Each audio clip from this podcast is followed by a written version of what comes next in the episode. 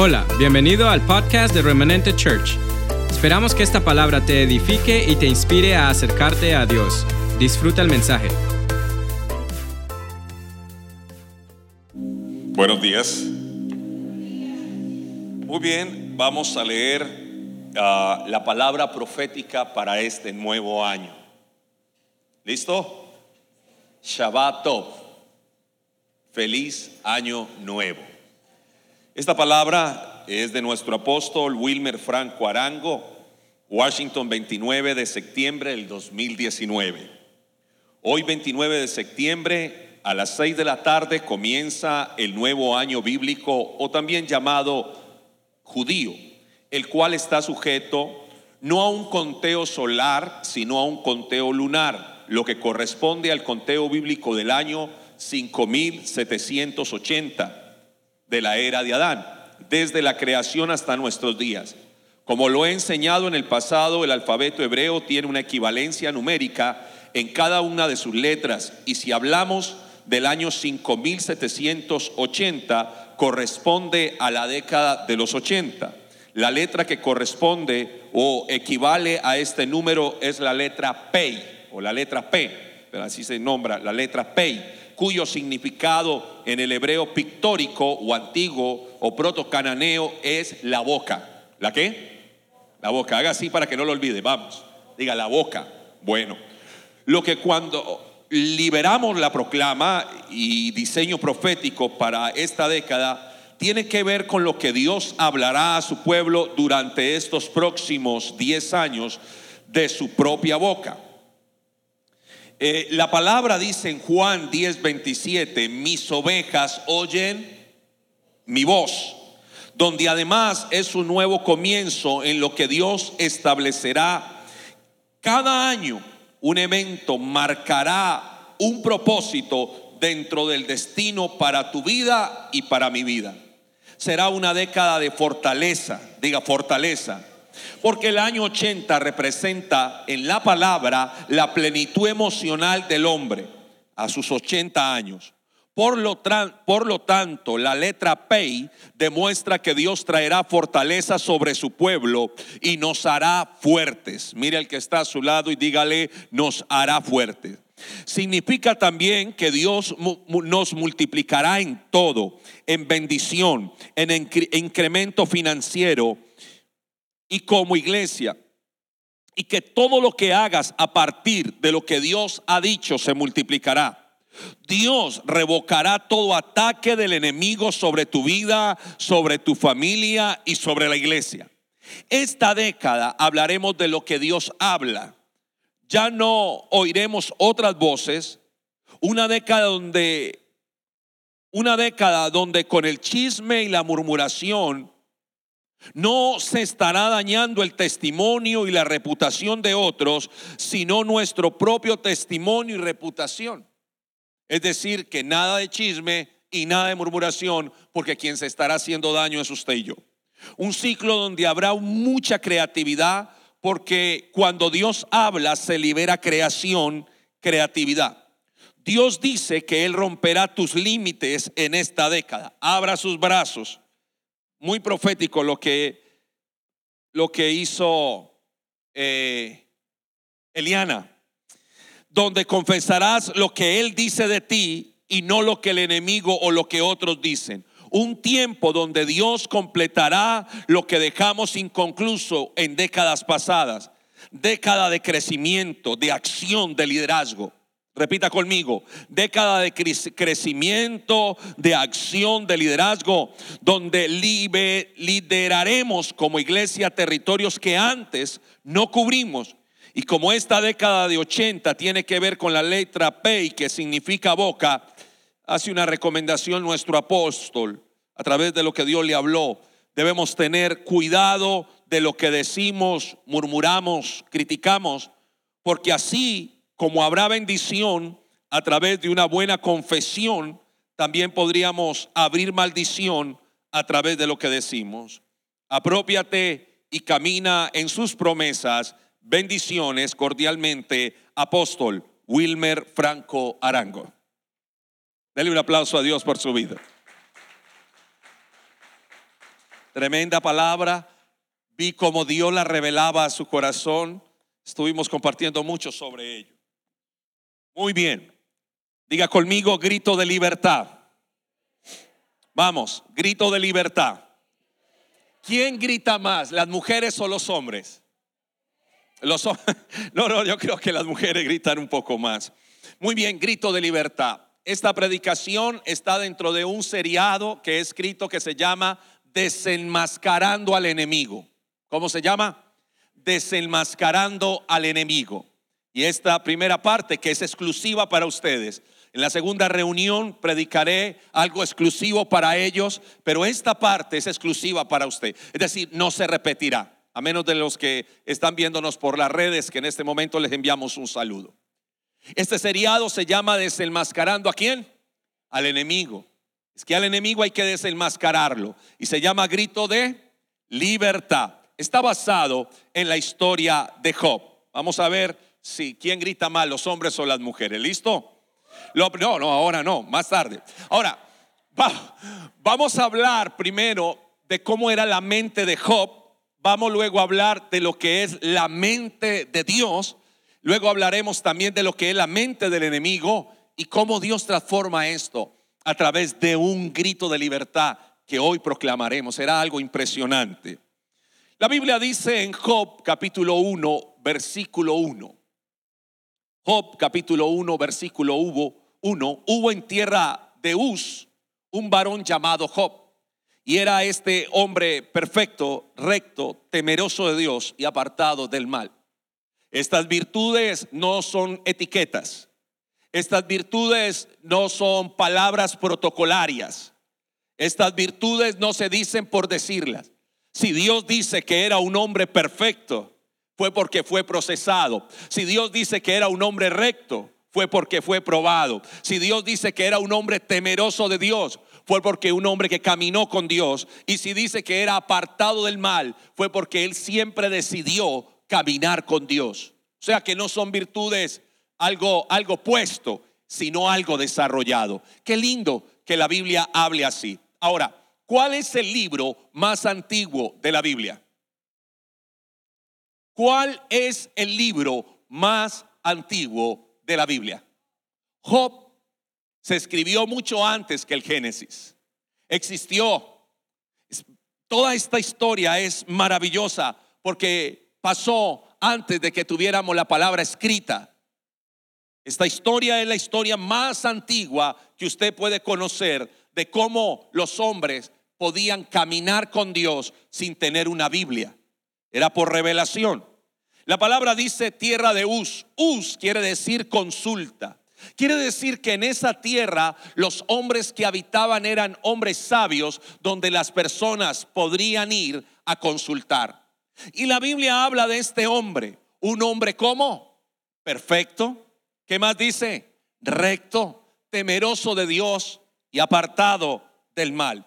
Cuando la Biblia habla de perfecto, es la palabra hebrea tamán, tamam, que quiere decir alguien que ha sido completado.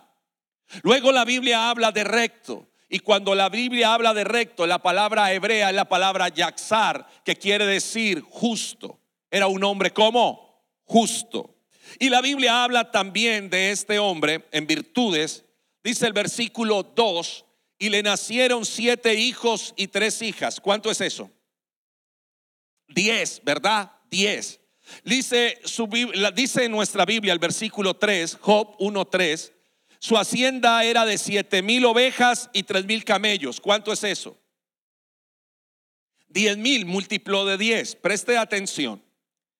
Listo. 500 yuntas de bueyes y 500 asnas. ¿Cuánto es eso? Mil. Muy bien. Múltiplo de diez. Y muchísimos criados. Y aquel varón, aquel varón, dice, y era aquel varón más grande que todos los orientales. Eh, no estamos hablando de cualquier persona, estamos hablando de una persona que caminaba con Dios, que había sido procesado por Dios, un hombre que había crecido con Dios. Ahora, no puedo dejar pasar el que siempre hable de 10 en la vida de Job, porque en la Biblia, usted y lo que leímos ahora, ahora estábamos hablando de la letra P, eh, el abecedario hebreo tiene 22 letras, ¿sí? Ah, su alfabeto está, eh, está precedido por no solamente letras, sino números. Esas letras son números y esos números tienen significados profundos. Cuando hablamos del número 10 en la Biblia de, de, Job, hablamos de una letra con el cual se escribe el nombre de Dios. Hay cuatro letras con las cuales se escribe el nombre de Dios. Yod, Het, Va, Het. Dígalo. Yod, Het, Va, Het. Es decir, Y, H, V, H. Tetragamatrón, dice la palabra. La letra número 10 es con la letra que se, que se inicia el nombre de Dios, la Yod. Esa pequeña letra tiene que ver y tiene toda ah, una explicación profética en la Biblia, porque muchas veces Dios se manifiesta con el número 10 en la Biblia. ¿Cuántos mandamientos dio Dios en las tablas? Diez. ¿Cuántas plagas Dios envió a Egipto? Diez. Cuando construyó el, tabernáculo, todo fue en múltiplos de 10. Y eso a mí me asombra. Cuando envió las plagas, ¿cuántas envió? 10. Porque ese número tiene que ver con la perfección del orden divino. Otra vez, con la perfección de qué? Del orden divino. Es decir, que el número 10 no está puesto ahí por estar puesto. El número 10 está puesto con un propósito en la vida de Job. Quiere decir perfeccionamiento del orden divino. Mírelo de esta manera. ¿Cuántos dedos tiene en su mano? ¿Por qué tiene 10 y no 11? ¿Sabe por qué 10? Porque 10 es perfeccionamiento. Cuando yo quiero que usted mire sus manos, mírelas un momento, por favor. Cuando usted mire sus manos, que la palabra para manos es la palabra yad solo cambia la A. Es decir, vuelve e inicia con la letra Yod. Y cuando usted vea manos, usted mira sus manos y diga, es perfeccionamiento de la obra de Dios en mi vida. ¿Por qué la Biblia habla de diezmar? ¿Por qué habla de diez? Habla de perfeccionamiento de la obra de Dios en mi vida. Es algo interesante cómo Dios multiplica. Y cuando Dios multiplica, multiplica en múltiplos de 10, de mil, de diez miles, de millones. Y eso lo quiere hacer Dios contigo también. Job versículo, vamos al versículo 4. Dice la palabra, e iban sus hijos y hacían banquetes en sus casas, versículo número 4. Cada uno de ellos en su día y enviaban a llamar a sus tres hermanas para que comiesen y bebiesen con ellos. Y acontecía que habiendo pasado el turno del convite, de los días del convite, versículo 5, Job enviaba y los santificaba. Le estoy hablando del libro más antiguo de la Biblia y ya habla de santificación. Hace un tiempo yo fui director de danzas y creé una compañía de danza llamada Kadash. Kadash quiere decir santificados. Era una palabra bien bonita. Dice la Biblia y se levantaba de mañana y ofrecía holocaustos conforme al número de todos ellos. Mira lo que es la santificación. La santificación tiene que ver con sacrificio. La santificación tiene que ver con altar. Él levantaba un altar para santificar a sus hijos. Ahora mira esto en cuanto a los múltiplos de 10. Él todos los días hacía sacrificio por el número de sus hijos. Es decir, que cuántos animales sacrificaba diariamente. 10 al mes. Al mes. 300 al año. ¿Cuántos? 3.600 animales sacrificaba este hombre. ¿Por qué? Porque él entendía que en sus hijos había un destino profético. Él entendía que sus hijos eran más que números, eran 10. Él decía, en ellos hay un destino que yo tengo que santificar. Es decir, que mucho de lo que nosotros hacemos no lo hacemos solamente por nosotros, sino el reto más grande está sobre quién. ¿Sobre quién? Sobre nuestros hijos, sobre nuestra casa. Y eso me gusta de él, que hable de redención en sus hijos, de hable de sacrificio a favor de ellos, que es lo que nosotros tenemos que hacer. Hay una cosa que me gusta muchísimo de mi apóstol y hemos estado en diferentes ciudades y países y ha pasado que él se ha subido hasta las montañas a coger señal para bendecir a Lucas en la mañana y en la tarde.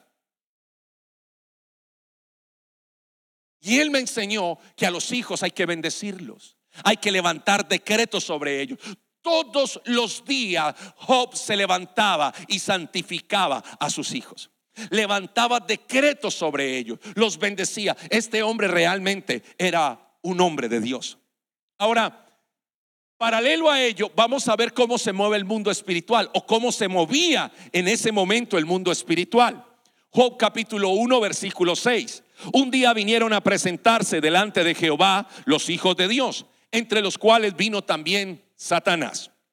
Versículo 7. Y dijo Jehová a Satanás, ¿de dónde vienes? Respondió Satanás a Jehová y dijo, de rodear la tierra y andar por ella. ¿Por qué Satanás tiene que ir a, a presentarse delante de Dios? Porque Satanás, a causa de la caída del hombre, ahora él era el gobernador de la tierra y por ende tenía que ir a dar razón de dónde estaba. Recuerde que cuando el hombre pecó, no solamente peca, sino que pierde su nivel de autoridad, quedando bajo una condición de muerte eterna. Por eso Satanás viene ante el Señor y él tiene que darle razón de lo que está haciendo. Versículo 8. Y Jehová dijo a Satanás, ¿no has considerado mi siervo Job? ¿No has tenido cuenta a mi siervo Job? ¿No has mirado a mi siervo Job? Que no hay otro como Él en la tierra. Me gustan las palabras que el Señor refiere, varón perfecto, recto, temeroso de Dios y apartado del mal. Mira el contexto, era una tierra pecaminosa también, porque si la Biblia habla de mal, era la condición que por naturaleza tenía el hombre. Sin embargo, este hombre estaba caminando con Dios. Y Dios dice, no lo has considerado, no lo has visto. Y Satanás responde esto. Respondiendo Satanás a Jehová, Dijo, ¿acaso teme Job a Dios de balde? ¿No le ha acercado alrededor a él y a su casa y todo lo que tiene al trabajo de sus manos has dado bendición? Por tanto sus bienes han aumentado sobre la tierra. Es decir, que Satanás tenía su ojo puesto en Job. Pero había algo que Satanás no podía hacer, entrar en el territorio de Job. No podía. Él podía rodear toda la tierra, menos el territorio de Job. Era algo interesante como eh, Satanás reconoce que el Señor ha cercado nuestro territorio. Es algo, algo que me impacta. Y dice, pero extiende ahora tu mano y toca todo lo que tiene y verás si no blasfema contra ti en tu misma presencia. Dijo Jehová Satanás, he aquí, todo lo que tiene está en tu mano, solamente no pongas tu mano sobre él. Y salió Satanás de delante de Jehová. Eso es lo que está pasando en el mundo espiritual, pero Job no sabía. Hay algo interesante que preparando esta predicación Dios me decía. Ahora tenemos un abogado delante del Señor que es Jesucristo. Ahora la cosa ha cambiado, gracias al Señor. Pero muchas veces me he preguntado si realmente nos llegara a acontecer algo como Job, ¿qué haríamos nosotros? Vamos a mirarlo. Vamos a mirar las circunstancias humanas, ya en el plano natural. Job 1.13. Un día aconteció, como cualquier día, que sus hijos e hijas comían y bebían vino en casa de su hermano el primogénito. Y vino un mensajero a Job y le dijo, estaban arando los bueyes y las asnas paciendo cerca de ellos. Y acometieron los sabeos y los tomaron y mataron a los criados a filo de espada. Solamente yo escapé para darte la noticia versículo 16. Aún estaba hablando cuando vino otro que dijo, fuego cayó del cielo, que quemó las ovejas y los pastores y los consumió. Solamente yo he escapado para darte la noticia. Hay gente que es buena dando malas noticias. No, de eso no quiero aquí. Aún estaba hablando Versículo 17. Todavía estaba este hablando, hablando y vino otro que dijo, los caldeos hicieron tres escuadrones, arremetieron contra los camellos y se los llevaron y mataron a los criados a filo de espada y solamente escapé yo para darte la noticia. Entre tanto que éste hablaba, vino otro que dijo, tus hijos y tus hijas estaban comiendo y bebiendo vino en casa de su hermano el primogénito. Y un gran viento vino del lado del desierto y azotó las cuatro esquinas de, las, de la casa, la cual cayó sobre los jóvenes y murieron. Y solamente escapé yo para darte la noticia. Entonces Job se levantó, rasgó su manto, rasuró su cabeza y se postró en tierra y adoró. Quiero resaltar varias cosas que suceden en este texto. Lo primero dice la Biblia que Job se rasuró. Quiero decirles que en ese tiempo no había rasuradora. El texto hebreo dice que Job se arrancó la piel de su cabeza. O se arrancó el cabello de su cabeza. No por los animales que hubiesen muerto, por sus hijos. Eran diez hijos. Y Dios me decía preparando esta palabra, que si quito todo, ¿me amarías? ¿Qué si toco a tus hijos o permito que los toquen? ¿Me amarías? ¿Seguirías predicando acerca de mí? ¿Me, adorarías? Porque lo que hizo Job en el texto es que él adora. Job inmediatamente lo que hace es adorar.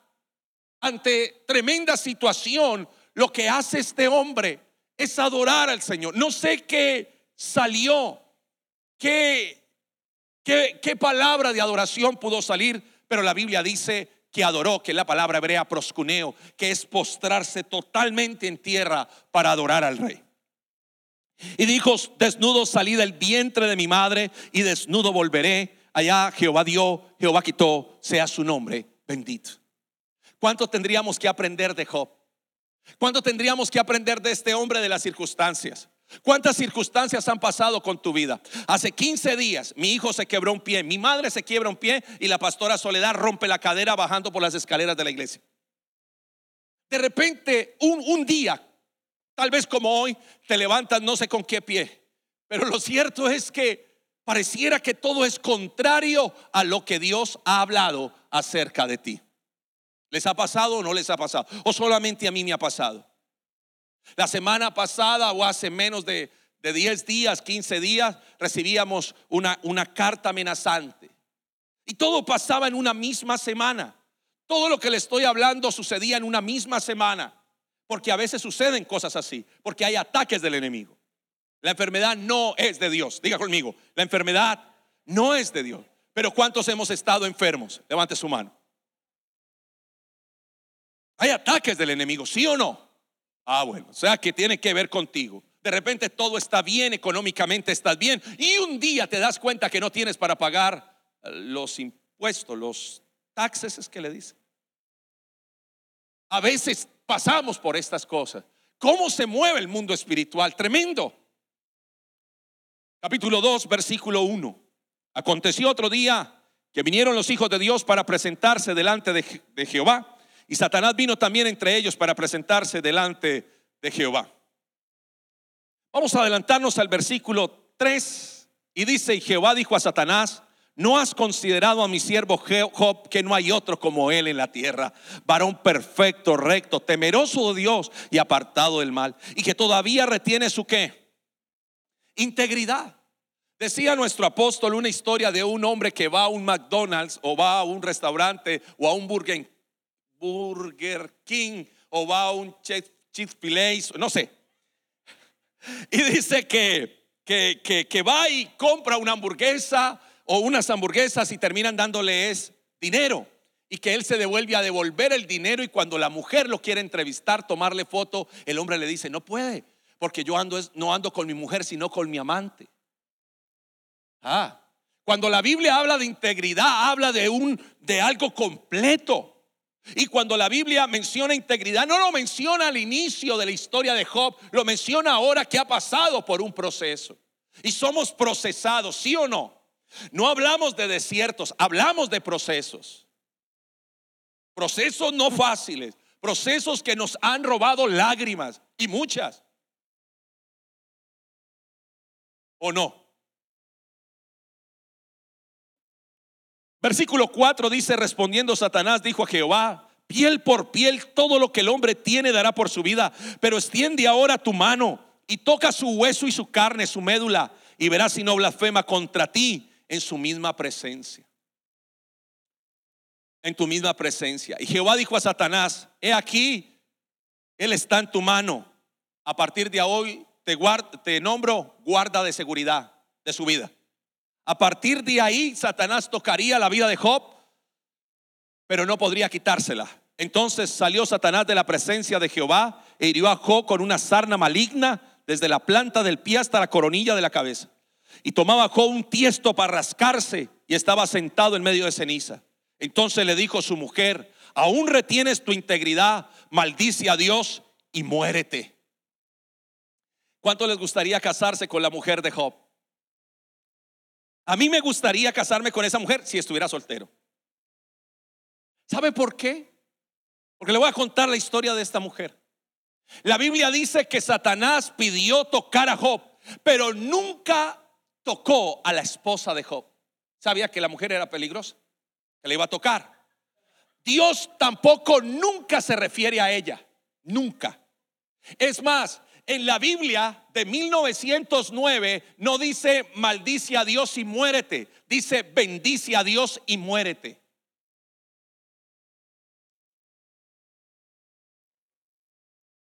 Ahí ya les tumbé la cosa que ustedes mantenía hablando de la vieja esa.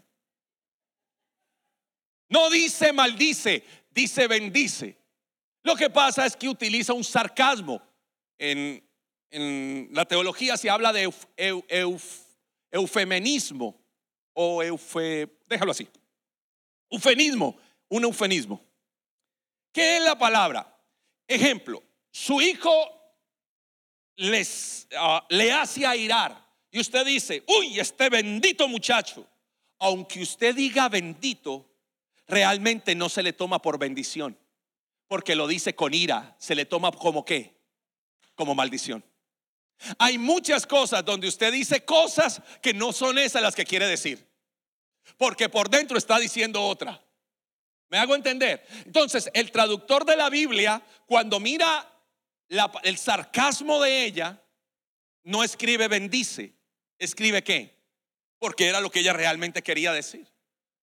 Por eso no se le toma como pecado a ella, porque pese a su ira, ella termina diciendo, bendice a Dios, pero pero realmente su peso era otra cosa.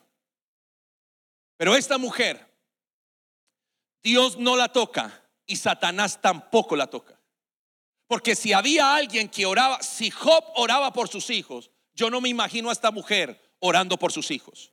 Es más, la Biblia compara el amor de Dios con el amor de una madre y dice, ¿podrá olvidarse la mujer de lo que dio a luz? Imagínate esto. Dice la palabra, ¿podrá olvidarse una mujer de lo que dio a luz? Aunque ella se olvidara, yo nunca me olvidaré de ti. O sea que Dios compara su amor con el amor de qué? De una madre, de sus entrañas. Y dice, porque alguna desmadrada, no sé si eso se pueda traducir, pero digamos que sí. Alguna desmadrada se olvide de sus hijos, o alguna madre se olvide de sus hijos. Pero Dios dice, yo nunca me olvidaré de ti, nunca. Y eso me me conforta, eso me bendice. Y Job dice en el versículo 10 y le dijo, como suele hablar cualquiera de las mujeres tontas, has hablado. ¿Qué recibiremos de Dios? El bien y el mal no lo recibiremos. En todo esto no pecó Job con sus labios. Es decir, para mí, Job, Job se merece el mejor de los aplausos. Bueno, bueno. Sin embargo, pasaron los días. Los teólogos dicen que pudieron pasar unos 10 un año, 10 años, no sabemos cuánto pasó. No puedo decirles, como todo es múltiplo de 10 para él, no sé cuánto duraría. Pero a veces hay batallas que esperamos que duren cuántos? Tres días y duran tres meses. O era algo que esperabas tres meses y dura tres años. No sé. Cosas que, que empiezan a batallar en ti. Cosas con las cuales estás luchando y un día, como hoy, tal vez, como decía eh, nuestro hermano Juan, no sé si puedo decirle pastor Juan, pero no quiero meterme en camisas todavía, pero voy a decir hermano Juan o Juan, pero un día toca a la puerta la amargura. Recuerde que Job en nada pecó, pero un día han pasado ya los años y Job sigue con la misma que la misma sarna. Y dice la Biblia que a la puerta de Job toca la amargura. Y así refirió él y dijo, Job 7:11, por tanto, no refrenaré mi boca, Job 7:11. Hablaré en la angustia de mi espíritu y me quejaré en la amargura de mi alma. La amargura te hace perder el apetito. La amargura te hace olvidar todo lo bueno que Dios ha hecho contigo. Dice la Biblia que la amargura es la única que puede destruir tu fe.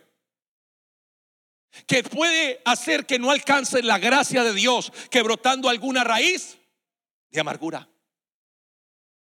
¿Cuántos aquí en algún momento en su vida han batallado con la amargura? Levanten su mano. La amargura es algo que envenena. Todos se ríen y tú callas. Todos dicen, vamos a comer donde, donde, a ver, donde quién. Don doña Azucena, no sé. No voy porque estás en amargura. Recuerda todo lo que está en el plano espiritual. Un día, tal vez no en la amargura, a Job lo atacó el miedo. En Job 3:25 habla del miedo que él sentía. Decía, porque el temor, Job 3:25, porque el temor que me espantaba me ha venido y me ha acontecido lo que yo, yo temía.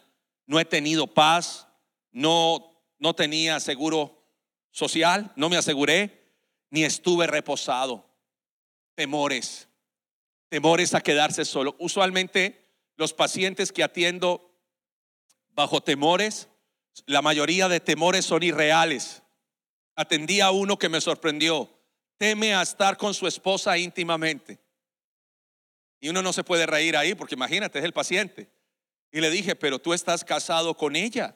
Y dijo, ¿cierto? Le dije, claro. ¿Cuál es el miedo? Usualmente son paradigmas. Miedo a salir a la calle. Miedo a que llegue la noche. Miedo a dormir ah, con la luz apagada. Tienen que dejarle un bombillo prendido. Como si Satanás igual le da. Pero llenos de miedos. Y hemos tenido que enfrentar los miedos. Escúcheme, la única manera de vencer el miedo es enfrentándolo. Pero a veces hemos estado llenos de, de miedos. Y un día, en medio de todas estas batallas, toca a la puerta la ansiedad. ¿Cuántos aquí han batallado con la ansiedad? De las cosas más malucas que hay. Porque es un sinsabor gástrico, alginas de pecho, dolores en el pecho por la ansiedad. La ansiedad es algo terrible porque no te deja respirar, te da, eh, empiezas a respirar muy rápido. Y mire lo que dice Job, Job 7:4. Cuando estoy acostado, digo, ¿cuándo me levantaré? Job 7:4. Cuando estoy acostado, digo, ¿cuándo me levantaré? Mas la noche es larga y estoy lleno de inquietudes hasta el alba. ¿Cuántos aquí han pasado una noche sin dormir? Qué cosa tan larga. Ahí me di cuenta que uno duerme mucho. De verdad, uno duerme harto. Algunos todavía vienen acá a esta reunión. ¿Por qué quise dar? Les voy a explicar por qué quise darles esta predicación a ustedes porque para mí tiene gran valor los que vienen a la primera reunión. Y yo en, la iglesia en Pereira, yo les felicito eso, porque no me dejan solo en la primera. Y yo les digo, ¿verdad? Porque aún te vienes con el ojo medio pegado, no importa. Tú dices, Señor, tú eres el primero. Voy para el primero.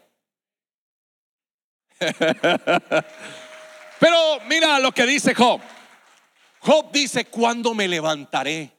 Dice que la noche es larga y yo he tenido noches largas. Hace una semana, una noche fue larga para nosotros. Dice que estaba lleno de inquietudes. Mi carne está vestida de gusanos y costras de polvo. Mi piel hendida y abominable. Y un día, un día, bueno, el tema es, el tema es que el tema se volvió farándula. Hay cosas que pueden pasar aquí en Virginia o en Manassas o en Bristol, Centerville Tyson. Hay cosas que pueden pasar, pero pasan desapercibidas. Pero hay cosas que una cosa que pasa en, la, en una de, de, estas ciudades y se vuelve tema qué? Nacional. Se vuelve un tema nacional y se vuelve, bueno, el tema de Job, que parecía una conversación entre Dios y Satanás, se volvió fue un tema del cielo y de la tierra. Y un día Han pasado como nueve años, pongamos, no sé realmente cuánto pasó, pero se levanta Job con una ansiedad, con un miedo, con una amargura y empieza a pelear con Dios. Empieza a pelear con Dios. Recuerdo una vez, estaba orando y Dios dice, quiero que me perdones. En mi mente, en mi corazón estaba eso.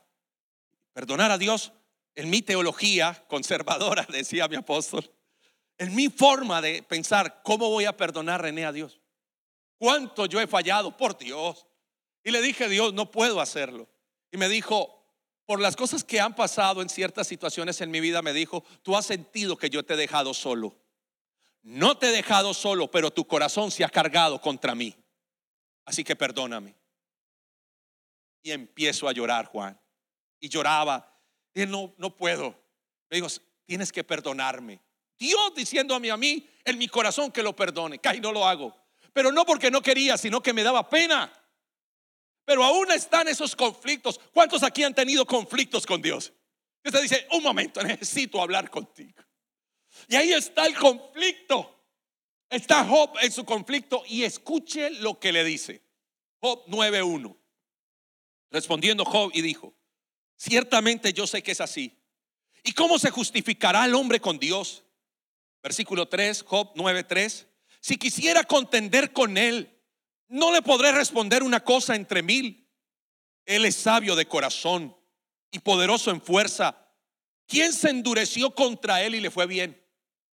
Como le dijo el Señor a Pablo, dura cosa te es dar golpes contra un aguijón. Versículo capítulo 10, versículo 1. Ahora Job tiene esa batalla con Dios y la depresión tocó a su puerta. La depresión no es estar contento y triste. La depresión va más allá de eso, es un estado mental y emocional, es una enfermedad. ¿Cuántos aquí han batallado con la depresión? O la depresión es terrible, amados. La depresión es algo que no le deseo a nadie. No te quieres bañar, hueles a mico, no sé, a gorila mejor, la palabra mico puede ser vulgar. Pero pero es fuerte. Y yo he visto pastores sufriendo de depresión. Coalo Zamorano, este gran salmista, decía que un día la depresión tocó a su puerta. La depresión es algo muy fuerte, lo hablaré en la segunda reunión. Job 10.1 dice que en ese conflicto que Job tenía con Dios le habla así. Job 10.1 dice, está mi alma hastiada de vida. Daré libre, libre curso a mi queja. Hablaré con la amargura de mi alma. Diría Dios, no me condenes. Hazme entender por qué contiendes conmigo. ¿Te parece bien que me oprimas, que deseche la obra de tus manos y que favorezcas los designios de los impíos? ¿Tienes tú acaso ojos, de carne? ¿Ves tú cómo ve el hombre? ¿Son tus días como los días del hombre o tus años como los tiempos humanos? Para que inquieras mi iniquidad y busques mi pecado. Aunque tú sabes que no soy impío y que no hay quien de tu mano me libre, tus manos me hicieron y me formaron y luego te vuelves y me deshaces. Semar estaba bravísimo. Así que el cielo lo está mirando y el infierno también lo está mirando. Se volvió farándula. Todos hablaban, ole, ya maldijo a Dios. No, nada. Y en el cielo decían, ya bendijo a Dios. Y respondían los otros ángeles. Mm". Estaban en ese conflicto. ¿Cuántos nos hemos hallado en conflictos? Levanten las manos, sinceramente. Bueno, eso solamente en Colombia da. Aquí todos, nice. Ah, los quisiera ver. Acuérdate de, de cómo a barro me diste forma y cómo en polvo me has de volver. No me vaciaste como leche y me cuajaste como, perdón, y como queso me cuajaste. Me vestiste de piel y carne y me entretejiste, me tejiste con huesos y nervios. O sea, ya hablaba de anatomía este hombre. Vida y misericordia me, con, concediste y tu cuidado guardó mi espíritu. Estas cosas tienes guardadas en tu corazón. Yo sé que están cerca de ti. Si pequé, tú me has observado y no me tendrás por limpio en mi iniquidad. Si fuere malo, ay de mí. Y si fuere justo, no levantaré mi cabeza. Hastiado estoy de deshonra y de verme afligido. Si mi cabeza alzare cual león, tú me casas y vuelves a hacerme de mí maravillas. Renuevas contra mí tus pruebas y aumentas conmigo tu furor como tropas de relevo. ¿Por qué me sacaste de la matriz? Hubiera yo expirado y ningún ojo me habría visto. Como fuera como si nunca hubiera existido, llevado en el vientre, del vientre a la sepultura. No son pocos mis días, esa pues déjame para que me consuele un poco Dios antes que vaya para no volver a la tierra de las tinieblas y de sombra de muerte, tierra de oscuridad, lobrega, cual sombra de muerte y sin orden, y cuya luz es las más densas tinieblas. Mira cómo se encontraba Job, porque yo no sé cómo se encuentra usted con Dios en este día. No sé cuáles son sus batallas. No sé si eso es un tema ya que se volvió un tema espiritual. Pero hay personas que han estado batallando con muchas cosas y una tras otra. Y pareciera que le faltan las fuerzas. Pareciera que Dios no te oye. Pasan y dan testimonios aquí de cómo Dios bendijo con casas, carros y becas, hasta con suegra. Pero a ti no te pasa nada, solo resfriados. Un día toca a tu puerta la depresión y no entiendes qué está pasando. Es que esto pasa más normal de lo que usted cree. Cantidad de cristianos yo los veo levantar sus manos, adorar, pero por dentro llevan sus más grandes amarguras y resentimientos. Y no hay peor cosa que una evangélica amargada.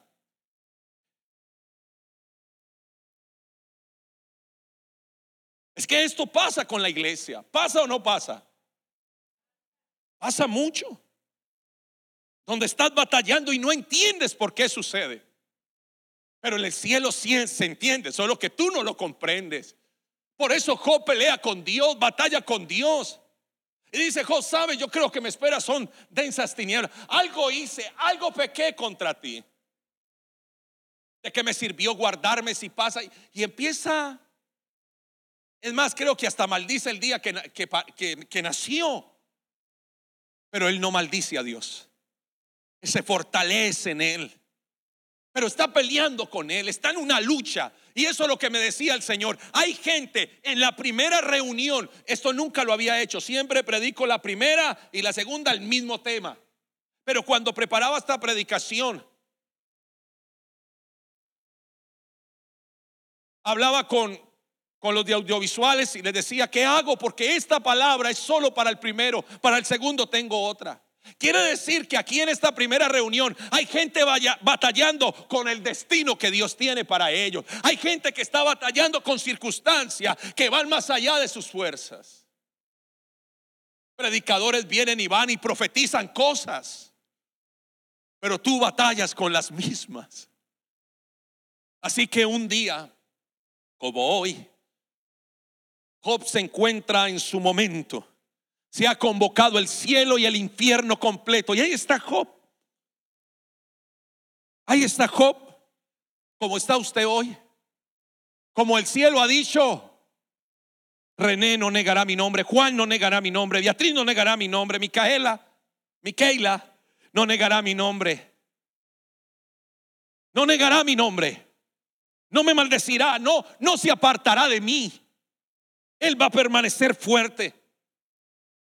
Gracias a Dios, como les decía ahora, tenemos un abogado que es Jesucristo. Ya las cosas han cambiado. Pelea por nosotros. Pero aún así tenemos batallas. ¿Tenemos o no batallas? A veces plaqueamos. A veces batallamos con venir a la iglesia o no venir. Y un día se levanta este hombre, el día que tenía que definirse eso, tal vez como hoy, que la declaración que se haga hoy abrirá una qué? Una puerta. Algunos hicieron una ventanita chiquita, por ahí no caben. Tenía que hacerlo así. Pasar. Y dice este hombre, si podemos colocar ese texto, te agradeceré. Job 19, 25. Llega el momento, un momento de declaración, un momento de poder, un momento de autoridad. Y este hombre grita, yo sé que mi redentor vive. Yo sé que mi redentor vive. Escucha esto. Y cuando este hombre grita eso, a partir de ese capítulo empiezan las respuestas de Dios a venir a él. Y le voy a decir por qué lo hago así. Porque yo no me imagino diciendo Job, Yo sé que mi redentor vive. No, no, no. Si vos tuvieras una sarna maligna, una lepra, un cáncer, y de repente viene un clamor del Espíritu, como me decía un pastor anciano, llorando con un cáncer de páncreas, me decía, me decía como si yo fuera Dios, como si no me viera a mí, sino a Dios le decía, me decía, ¿por qué contiendes conmigo? ¿Por qué no me quitas ya la vida? Te serví por tantos años. Déjame morir en paz. Iré a tu presencia. Este cáncer me está, porque el cáncer de páncreas es muy doloroso. Pero ahí está este hombre diciendo, ¿cómo dijo? Ante la circunstancia que tú estás viviendo, ¿qué vas a decir? yo sé que mi redentor vive. Y esa declaración abrió una puerta para que él pasara a su victoria.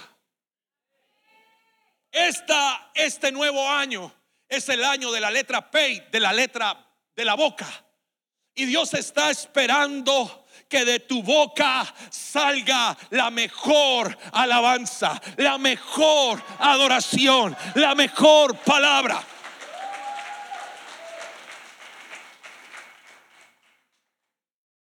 Quiero verte decir ante la circunstancia que estés viviendo.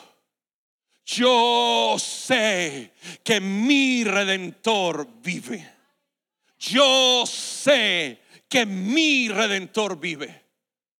Se trata de eso, de dar alabanza cuando el enemigo quiere que te apartes, que mengues, que no busques del Señor.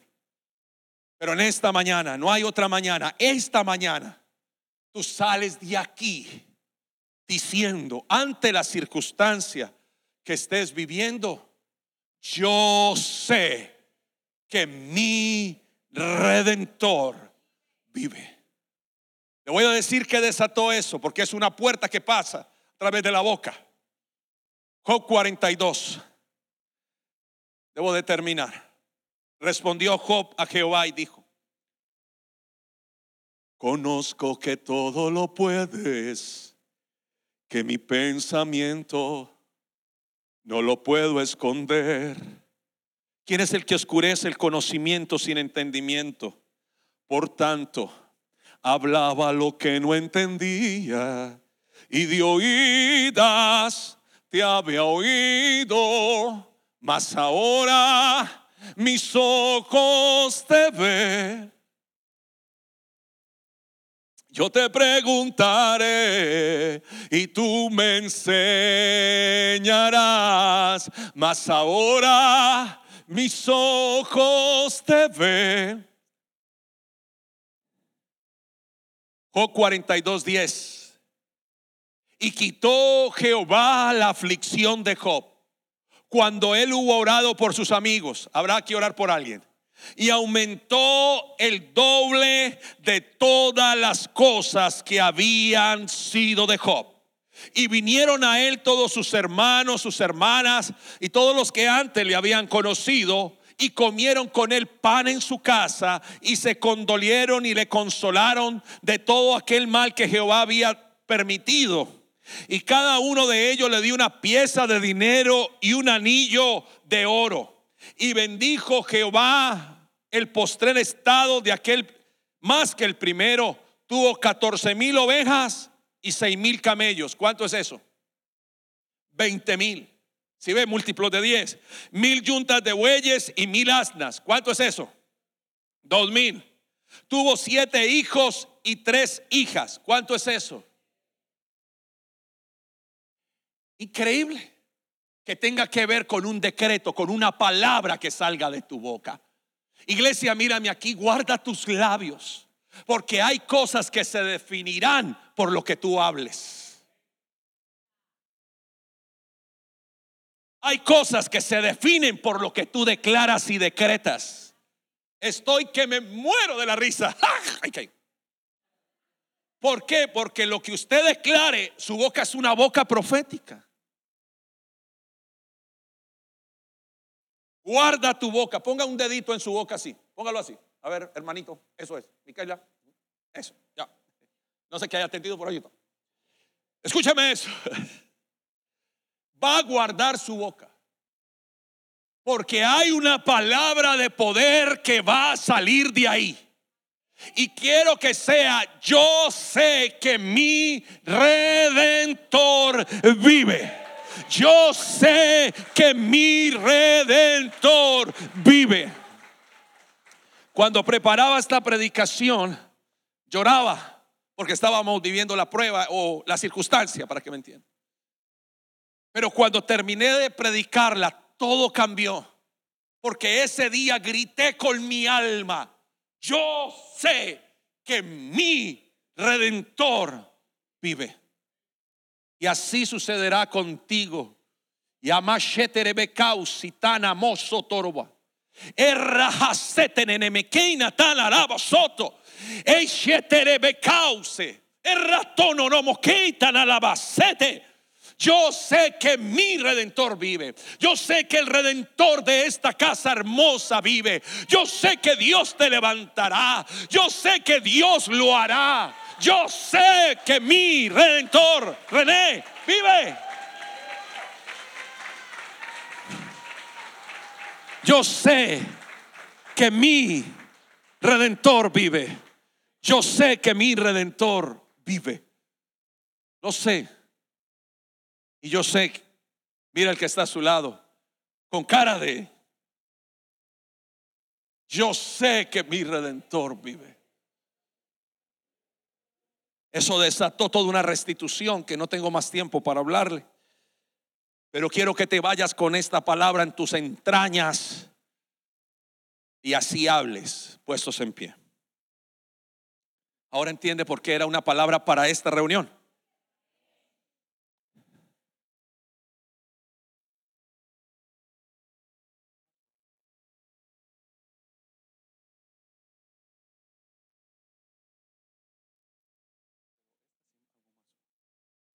Espíritu Santo. Yo quiero que salga esto de tus entrañas, iglesia. Yo sé que mi redentor vive. Y tenga esa palabra en su corazón. Y la grite con su alma. Cuando el temor toque a la puerta o la ansiedad toque a la puerta. O cuando tengas que comenzar de nuevo. Para los que hemos tenido que comenzar de cero. ¿Sabe algo? Un día Dios me dijo, nunca has comenzado de cero porque yo soy el uno en tu vida. Yo le dije a Dios, Dios, es que comencé de cero y me dijo, no, yo era el uno. Tú el cero ya es diez. Y diez quiere decir perfección divina. Y me dijo el Señor, mira tus manos y te pido que las mires antes de cerrar tus ojos. Porque esas manos son señal de perfección divina. Cuando las mires, recuerda que Dios quiso colocar un número en tu vida que sellara con la misma letra que él escribió su nombre, Yohed Bajet, fue la misma letra con que escribió la palabra Yad, que quiere decir manos. Cuando mires tus manos son más que manos, es el número 10 en tu vida. Y ese número 10 es como en un equipo de fútbol, el número 10 que arma, que mueve todo ese equipo. Es lo mismo que sucede en la Biblia. El número 10 tiene que ver con la perfección divina. Esas manos te van a recordar que todo el plan de Dios ya está hecho. Yo sé que mi redentor vive. El cielo aplaudió, el infierno quedó avergonzado. Y es lo que sucederá contigo. Lo mismo va a suceder. El, infierno quedará avergonzado. Porque ese enemigo que buscaba que menguaras. Porque ese enemigo que buscara que, que desertaras. No podrá hacerlo porque Dios está contigo. Fiel es el que lo prometió. Él dijo que lo hará.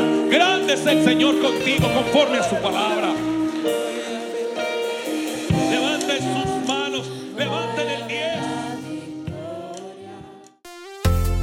Esperamos que este mensaje haya sido de bendición. No te olvides de suscribirte a nuestro podcast y seguirnos en Facebook e Instagram arroba remanente church.